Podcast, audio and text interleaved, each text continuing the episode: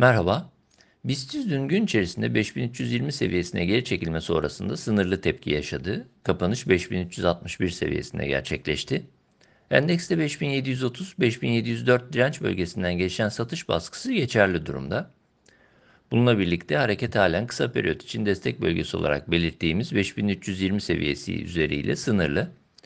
Bu bölge üzerindeki tutunma iyimser beklentinin korunduğuna işaret ediyor. 5320-5280 bandı altına yaşanacak bir sarkmanın ancak saatlik periyotta yeni bir zayıflama sürecine işaret edebileceğini belirtebiliriz. Bu aşamada destek bölgesi üzerindeki tutunmaya bağlı olarak 5704-5730 bandına yönelik beklentinin geçerli kaldığını söylemek mümkün.